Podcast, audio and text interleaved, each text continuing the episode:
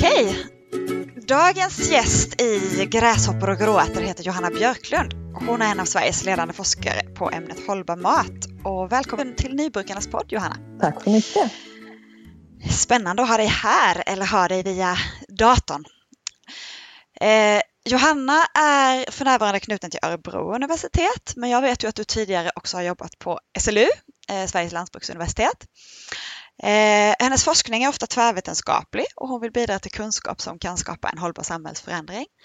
Och hon arbetar med båda ändarna av livsmedelssystemet, dels med forskningsprojekt som studerar och utvecklar hållbara sätt att producera livsmedel och dels med forskningsprojekt kring miljö och klimatanpassning av mat i framförallt offentliga storkök. Stämmer det Johanna? Ja, det... Eller vill du tillägga Nej, det är en bra presentation. Tack ska du ha. Härligt. Eh, och jag har blivit väldigt nyfiken på ett av dina senaste forskningsprojekt, det som heter Hållbar livsmedelsproduktion i Sverige, att äta och odla från perenna system. Eller agroforestry som det också heter.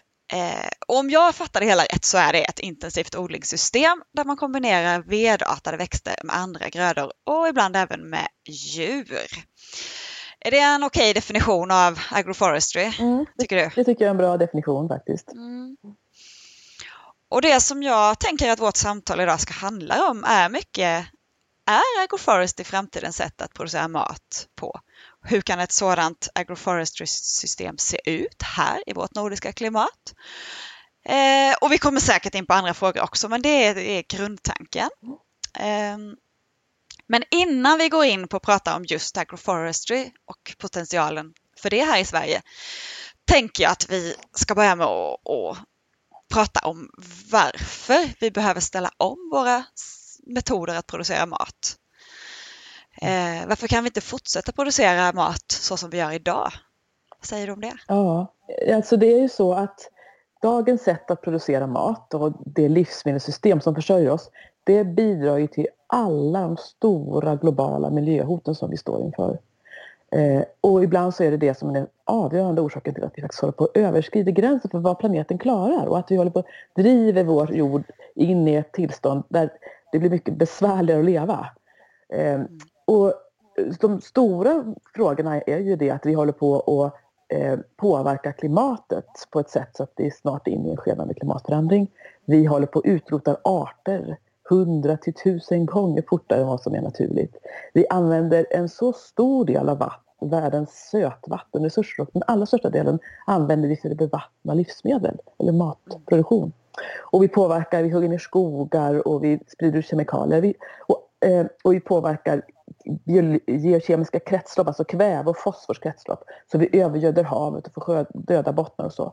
Och det här kan vi inte fortsätta med för, för eh, Eh, då kommer vi liksom inte kunna eh, producera mat och, och, inte kunna ha samhällen som vi har idag. Och dessutom så påverkar vi, utrotar vi också fossila resurser av fosfor och, och, och, olja och naturgas och kol. Det känns ju lite läskigt. Man brukar ju känna att jordbruk är en grön näring och framställs som, som hållbart och grönt och så. Mm. Men det stämmer inte alls, tycker inte du då? Nej, alltså det, det som är så, det är både hemskt och, och bra. För det, det, är ju så att livsmedelsproduktionen och den mat vi äter idag påverkar planeten och våra ekosystem negativt. Men det är ju också så att eftersom det är en problem, del av problemet så är det också en del av lösningen. Och det finns sätt att producera mat på som bidrar positivt till planeten och till våra ekosystem. Så det, det här är, det som, genom, och det är det som jag tänker är så kraftfullt att om jag väljer an, att äta på annat sätt så kan jag bidra väldigt mycket till att förändra och, och, och slå in på en hållbar väg istället. Så det gör ju att det, finns stora möjligheter. Och det är inte då så att jag måste odla all min mat själv, fast det kanske vi kommer att prata om. Men jag kan faktiskt som konsument välja annorlunda. Mm. Och jag kan också som konsument börja frå, efterfråga saker i affären. För en del saker som man skulle behöva, det finns ju inte i affären idag.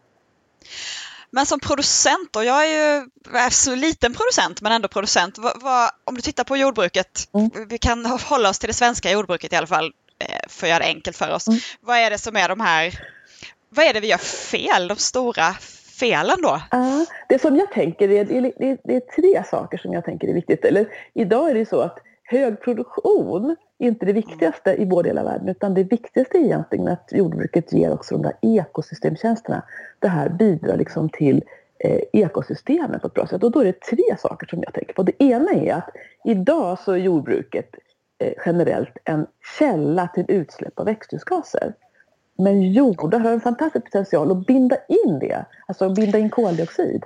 Det är ju spännande och, och, idag så gör det inte det då utan idag släpper det ut och hur, ja. vad är det som gör att jordbruket släpper ut ja, Det är bland annat för att vi plöjer så att vi liksom vänder på jorden och då bryter ner organiskt material. Och sen är det också så att vi använder så mycket kväve och vi har överskott av kväve eftersom vi har brutit de här kretsloppen av kväve. Vi har ett linjärt flöde av kväve som, när vi gödslar med. Kväve är ju sådana viktig gödsel, mm. Eh, näringsämne som alla växter behöver och vi behöver också. Så, och, och idag så har vi ju inte kretsloppet av stallgödsel och inte heller stadgödsel för förlas utan det ett, vi, vi, binder in nytt kväve via handelsgödsel och baljväxtfixering och sen så åker det ut i andra änden i havet men också allt det här kvävet ska tillbaka till luften igen och då bildas det lustgas. Det är ett stort överskott av kväve i marken som vi inte använder och då ska det tillbaka till atmosfären för där ska höet vara. Och så blir det lustgas och lustgas är en jättestark växthusgas. Ja, just det. Det är det jordbruket som bidrar mycket till lustgasutsläppet, ja, eller hur? precis.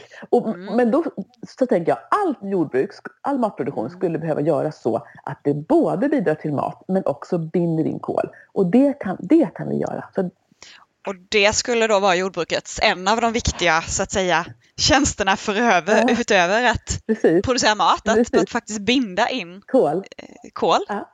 Och det andra är att vi behöver ha ett jordbruk som också kan hysa vilda växter och djur. Eftersom det är så att vi utrotar arter så otroligt fort nu. Och mm. en av de allvarligaste sakerna med klimatförändringen det är ju att så man förutspår att så många fler växter, vilda växter och djur kommer att dö.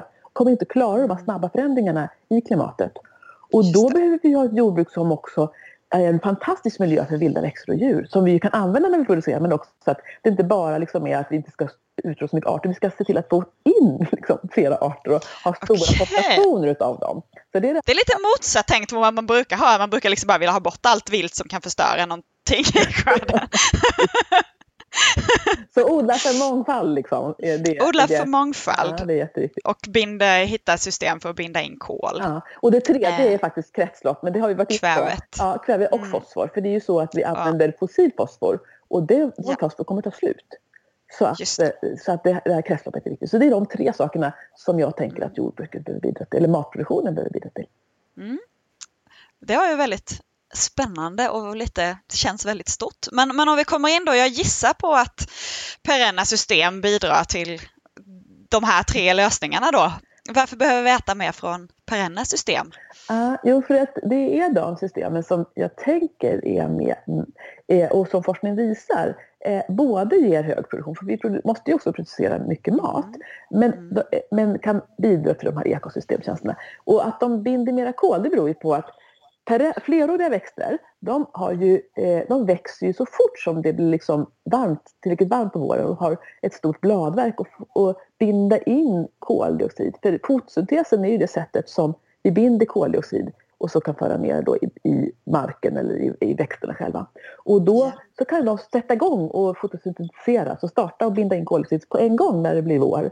Och sen hålla på länge. Och så har de också jättemycket ved och rötter och sånt där, där de kan lagra kol koldioxid i form av ah. kol eh, eh, och kolhydrater och så. Så därför så kan, är de så effektiva på att fånga in solljus och koldioxid.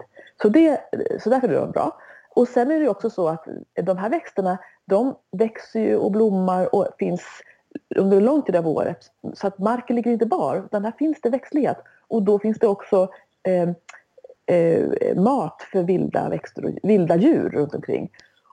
Och, och odlar man dem tillsammans, som ju då agroforestry är, det är ju liksom att odla det här i en samodling gör ju att det finns många olika resurser för många olika arter att föda sig på och finna boplats i. Så att därför så är de bra för den biologiska mångfalden. Just det.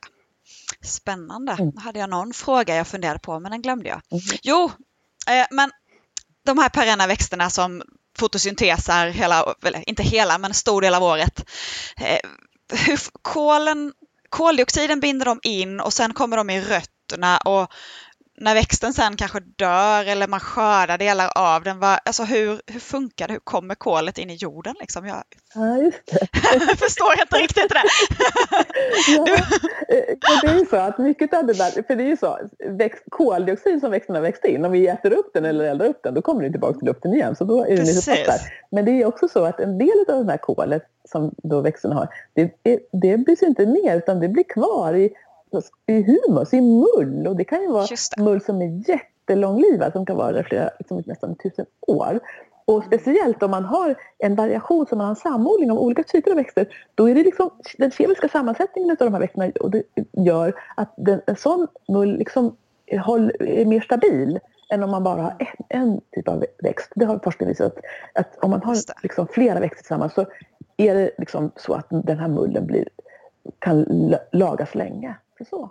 Men, men bara för att se så jag fattar det rätt. När jag, jag har ett kål, odlar kål och sen så skördar jag till exempel ett vitkålshuvud på hösten och sen så då skär jag av det och sen låter jag själva rotstocken bara bli kvar Mm. och då går rådjuren och mumsar på det under vintern och sen så till våren så låter jag fortfarande det lilla som är kvar, är kvar vara kvar i jorden. Mm. Är det då att bli maskmat eller vad det nu blir, då Ja. hjälper jag till att binda in kol. Ja, det är. Och mycket av det där kommer ju att brytas ner och frigöras och bli koldioxid igen. Men lite blir kvar liksom i, i, i, länge, länge, länge.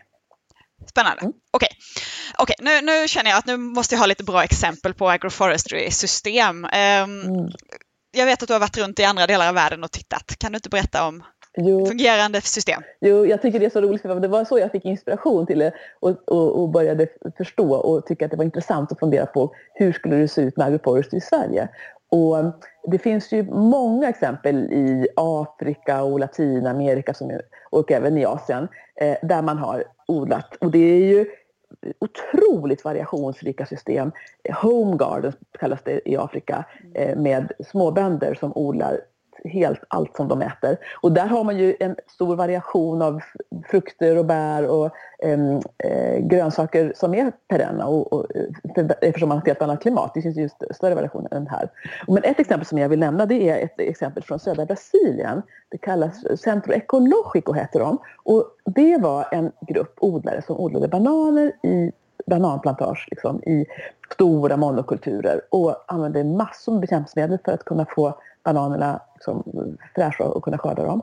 Och man mådde inte bra av det där. Människor blev sjuka och ekosystemen mådde inte bra heller.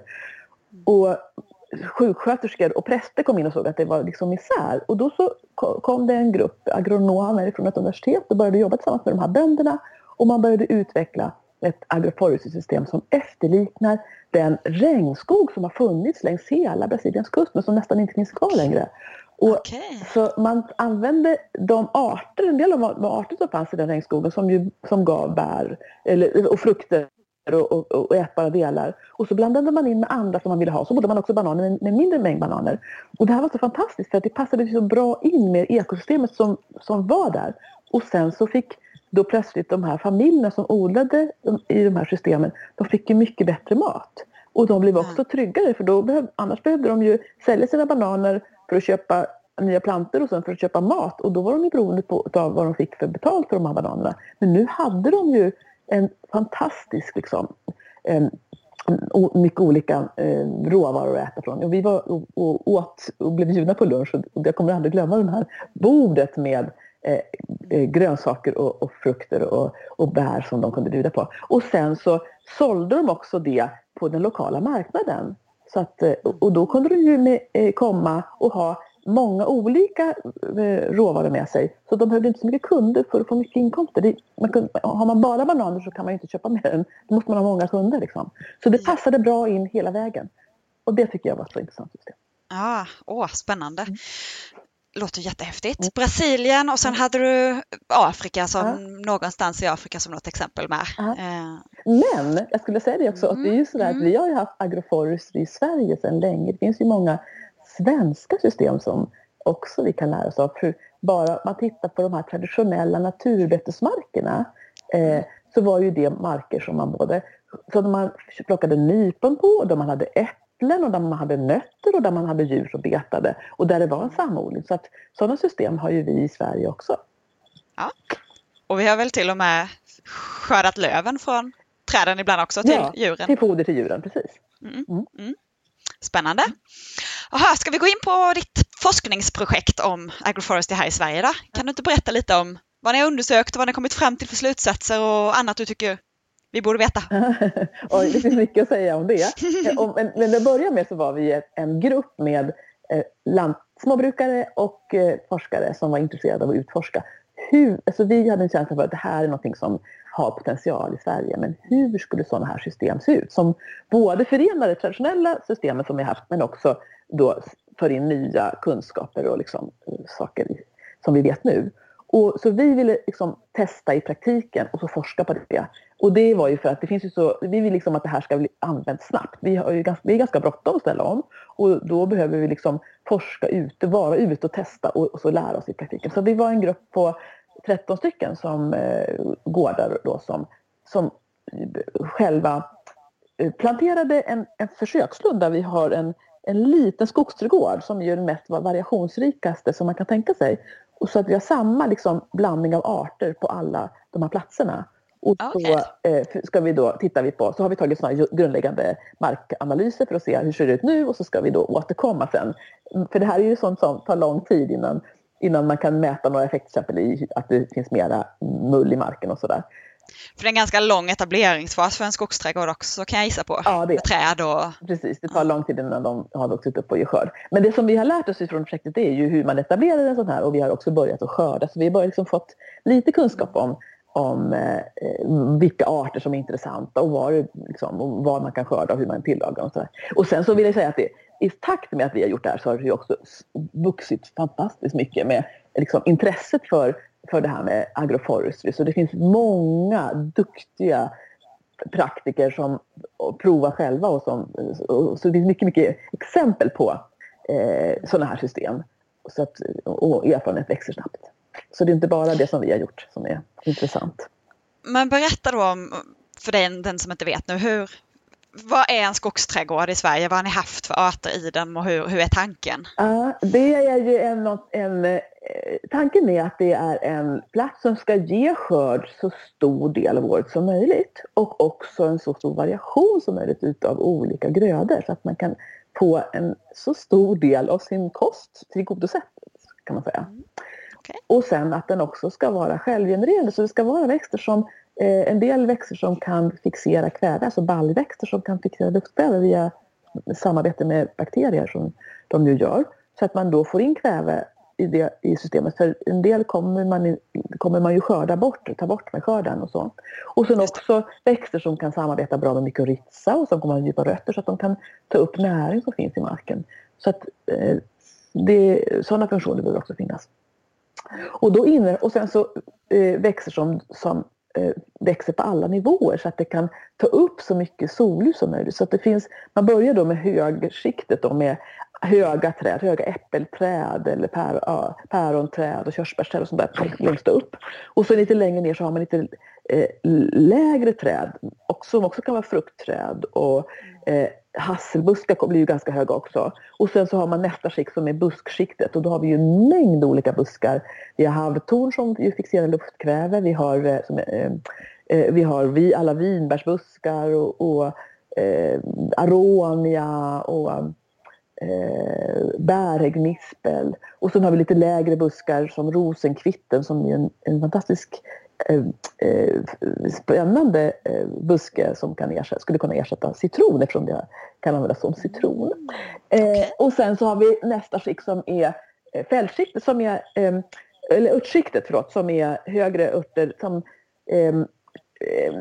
kan ge blad till sallader, aluncisot till exempel, rot eller god Henrys molla som både kan ge frö som man kan äta som ersätta quinoa eller också blad som kan användas som spenat. Eh, eh och en, eh, en mängd olika eh, eh, blommor till exempel som man kan skörda. Daglilja eller malva, teer och kryddor och sånt. Och sen har vi nästa skikt som är det låga skiktet. Eh, som, eh, och där har vi ju smultron och jordgubbar till exempel.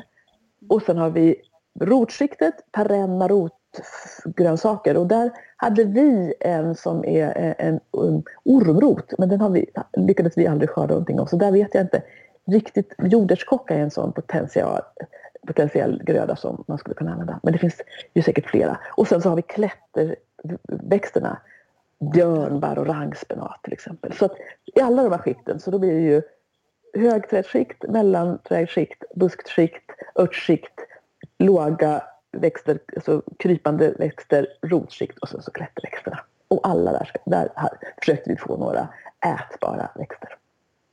Okej, finns, det låter ju väldigt spännande och finns, alltså tror du att det har en stor potential det här? Är det till husbehov eller till lite större sådana här skogs, skogar av den här typen liksom, eller hur? Vad tror du? Jag tror att, jag tänker att det är både och, för jag tänk, och de, ja. men de kommer se helt olika ut. Jag tänker att det är husbehov och i sin trädgård så skulle man ju kunna, kan man ju ha sådana här skogsstugor som är så otroligt variationsrika.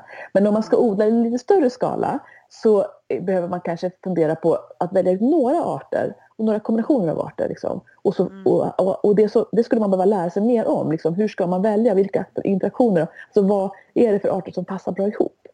Och, så. Och, det, och ska man ha det i större skala så behöver man också fundera på hur ska man skörda det? För det är ju liksom mm. någonting, det går inte så bra med skördetröska att köra in och skörda isär. Men det låter som det är väldigt mycket handskörd, absolut. Mm. Men det kanske Ja, inte ett problem, eller vad nej, tror du? Nej, alltså jag, jag tänker ju att vi behöver vara mera människor i jordbruket och att vi faktiskt behöver skapa jobb där också. Så att, och då kan ju att skörda, eh, skörda eh, från perenna växter kan vara intressant. Men, men man kan också tänka sig att man kan ha robotar. Så det är, man skulle kunna mekanisera till en del. Liksom. Ja. Så. Men självplock eller att man har då skörd, men det, ja, skördar för hand. Det är ju, skulle kunna vara möjligt, tänker jag. Vad, vad, finns det för, för att få det här att verkligen ge någon riktig effekt, ge stora skördar och ge, alltså vad, vad behövs det? Vad, vad är liksom kvar att, behövs det förädlas växter eller behövs det ja då, utvecklas robotar kanske? Eller vad, vad, vad tänker du? Ja, det är mycket saker. En del växter tänker jag skulle man kunna börja redan nu eller, och, mm. och, och odla mer av. Och, och, och, då är det skördesystem som behöver till. Det behöver bönder som, behövs bönder som är intresserade av att testa. Um, mm. Andra tror jag behöver, eh, behöver vi, eh, fors, förädla faktiskt. Att man behöver hitta för till exempel har vi ju eh, eh, sibirisk ärtbuske. En buske som ju de flesta känner till fast man vet inte om att det är det nästan. För det är häckbus en häckbuske som växer mm. nästan alla häckar. Och, och pratar man med folk så säger de, ja men den går inte, den är ju giftig, fick jag lära mig som barn. Mm. Och det är den inte. Den är inte giftig men, men eh, och den är ganska god, den har nötig smak men ganska få liksom, nötter eller frön i sin skida. Och om man skulle vilja ha den som, och, och utveckla den som, och den är proteinrik så, så, och, och, så skulle man ju kunna eh, så skulle man behöva förädla. Dels skulle man behöva förädla bort för jag tror att det finns ämnen i den som inte är så nyttiga idag. Men det kan man förädla bort för det har man gjort med all andra jordbruksgrödor som vi använder. Och så skulle man behöva förädla fram en som har mera frön i. Så att förädla den för, ät, för att äta. Nu har det ju blivit förädlat för att användas som prydnadsväxt. Det. det. behövs en sån förädling och sen så behövs det ju eh, kockar som kan hjälpa oss att laga mat ifrån det här. Och eh, att vi efterfrågar det. Så att liksom, det behövs en marknad. För om jag börjar sätta igång med en stor odling av aronia som ju också är en, en, en, en jättefantastisk buske som vi gör som prydnadsväxt så måste ju människor kunna vilja köpa de här aronia och det behövs också.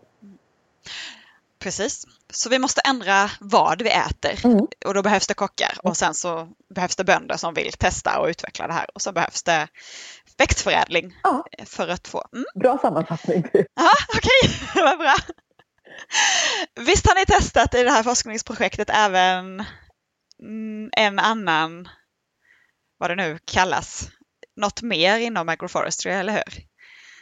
Eller är det bara skogsträdgårdar eller har ni testat något annat odlingssystem också? Ja, alltså det, vi, har, vi har också jobbat med eh, naturbet, eller betesmarker och ha mm. bärande, alltså ha in frukt, få in fruktträd och nötter och så i de markerna. Just det.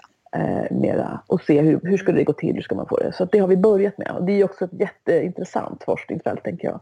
Och det här med nötodling visade sig ju liksom som en, en, en utveckling, en del som man skulle vilja göra. Alltså att odla mera nötter. Jag förstår inte varför vi inte skulle kunna odla nötterna i Sverige. Vi har gjort det tidigare. Och det är inte bara hasselnötter, men vi skulle ju kunna odla valnötter också. För det finns sorter som skulle kunna gå att odla här.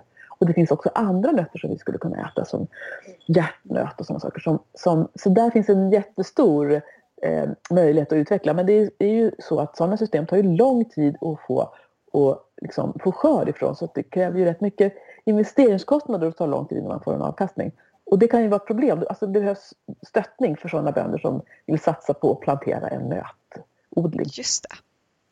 Mm. Men spännande när man tänker på att vi proteiner och kanske odla jag ser om du förklarar de här systemen så är det kanske djur som betar och sen så är det mm. en nötproduktion på samma plats så man får liksom mm. plus på alla håll. Ja, precis. precis. För jag kan tänka mig det att det, i, i våra system där vi då har inte så många grödor som man har på, i, i tropiska områden som man kan äta sådär direkt så kan ju, har ju djuren en annan funktion och de här systemen mm. kanske ska innehålla djur och då, att de hjälper oss att skörda för gräs är ju en perenn växt som ju växer väldigt bra i Sverige och speciellt i norra delen av Sverige och det är ju svårt för oss att äta gräset direkt.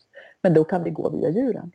Ja men för det är ju spännande för det här med köttet är ju ständigt debatterat nu. Aha. Om det är hållbart att äta kött eller inte och vilket kött man ska välja och hur mycket kött i så fall eller om man inte ska äta något kött alls. Ja. Eh, vad ser du djuren och köttets roll i ett hållbart jordbrukssystem i Sverige. Ja, ja, alltså jag tänker så här, man kan välja, man kan säga så här, ja man kan välja att inte äta kött alls för om man inte vill, man inte vill döda djur. Det tycker jag har jag full mm. respekt för. Eh, men om man ska tänka att vi kan äta eh, kött och mjölk och ägg så mm kan vi göra det hållbart men då behöver det se helt annorlunda ut. Och det behöver, vi behöver, det behöver vara mycket mindre naturligtvis än vad vi äter idag. Och då tänker jag att framförallt om man tänker sig nötköttet behöver produceras upp helt på gräs. Alltså mm. inget spannmål, inget kraftfoder, inget soja utan bara gräs. Och då kan ju de bidra till att det binder in mera kol och bidra till den biologiska mångfalden och så. Och dessutom så tänker jag att grisar och kycklingar och ägg, dels behöver det vara, höns behöver vara av raser som både ger ägg och, och, och kött. Att, några broilerkycklingar kan vi liksom inte ha. Det är samma sak med nötköttet, det behöver vara raser som både ger mjölk och, och nötkött framförallt. Men, eh, och sen behöver de födas upp på matrester, på det som vi faktiskt inte kan äta.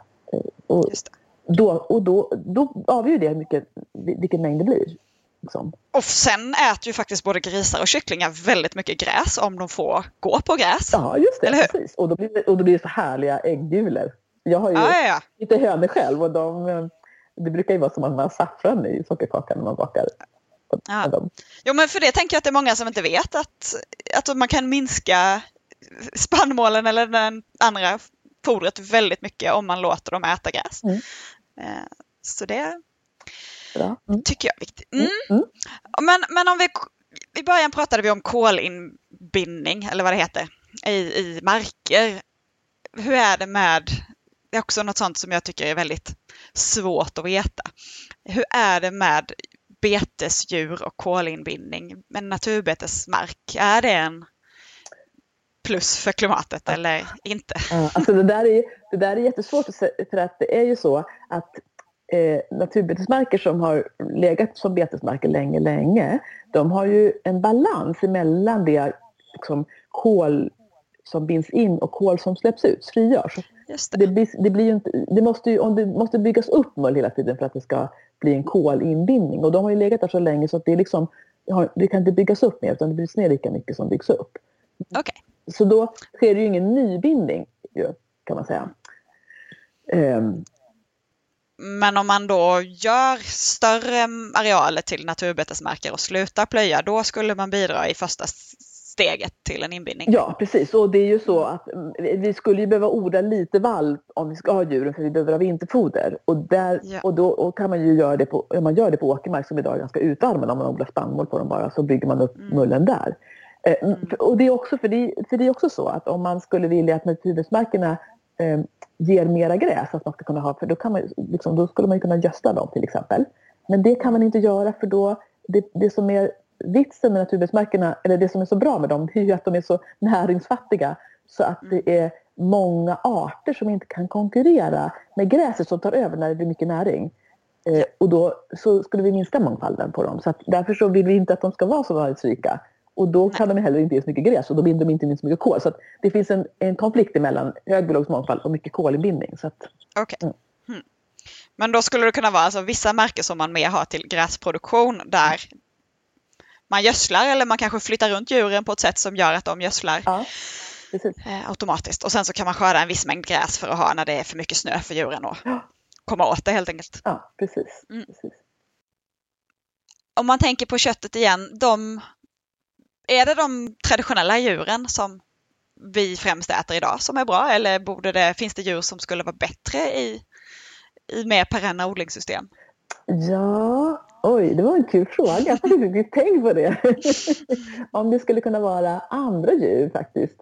Det, den, den där frågan ska kan vi inte fundera på den tillsammans eller ställa den som en fråga ja. också. Vilka djur skulle man kunna ha? Och vad skulle vi kunna äta? För man pratar ju ofta att vi skulle kanske äta mera kaniner till exempel. De äter ju gräs också. Mm. Eh, sen i, i, i, min värld, eller bland, på universitetet där jag jobbar med, med eh, studenter och sådär, då pratar vi mycket om larver och sådana saker.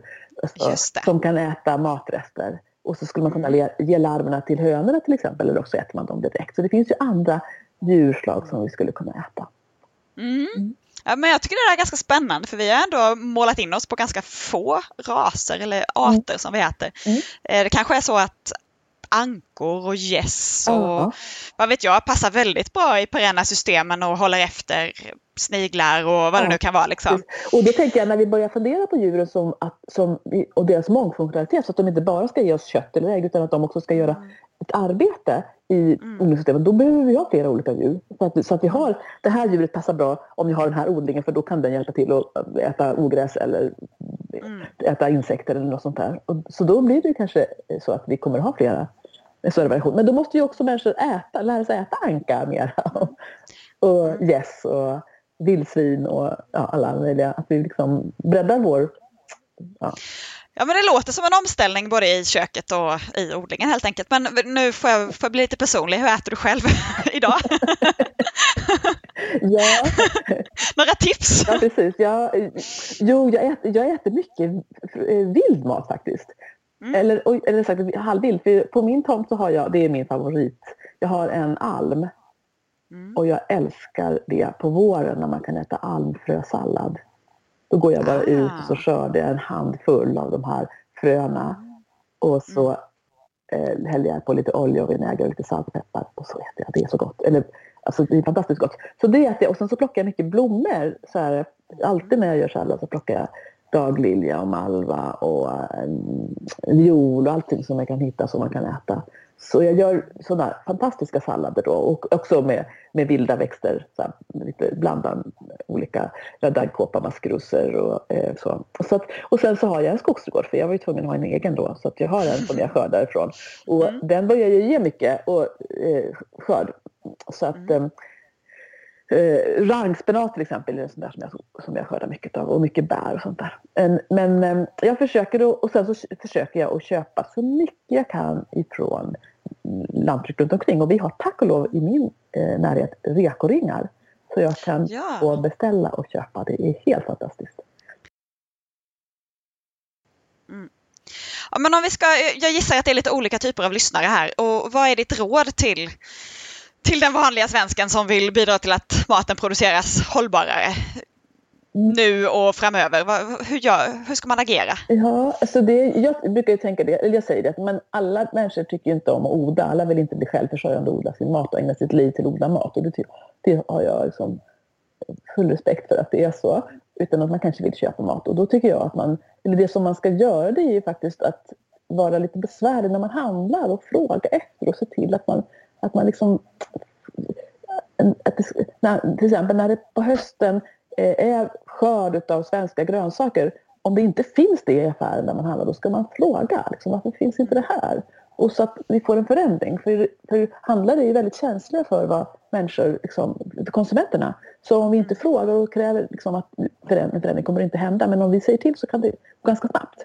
Så då tänker jag att, att fråga efter lokala produkter och försöka liksom, hitta sådana här eh, lokala försäljningsställen det, ställen, det är ju ett bra sätt att börja på. Och testa nya saker. Liksom. Det tänker jag är ju också bra. Och så försöka äta. Tänka, tänk, jag vet inte om man kan det, men det skulle vara bra att fundera på vad är det som jag äter som är parent? Och så försöka öka den mängden. Liksom. och, och tänka det. på det. Och så tänker jag att många har ju faktiskt i sina trädgårdar, om man nu bor så att man, eller om man inte bor i en lägenhet så har man ju kanske mycket man kan skörda i sin trädgård. Då kan man börja och utforska det. Och bor man i lägenhet så kan man ju odla på sin balkong.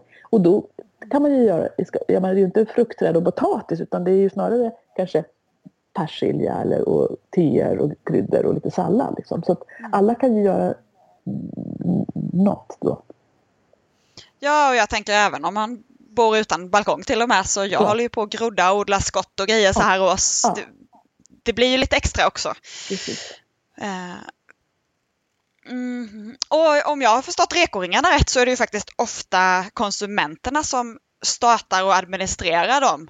Mm. Eh, så har man ingen rekoring så kan man ju faktiskt eh, vara med och dra igång en. Ja. För det tror jag kan göra stor skillnad. Precis. Och det, det, det eh. bästa, det bra, som är bra är ju att det är så lite, lite arbete för, för mm. ganska stor effekt faktiskt.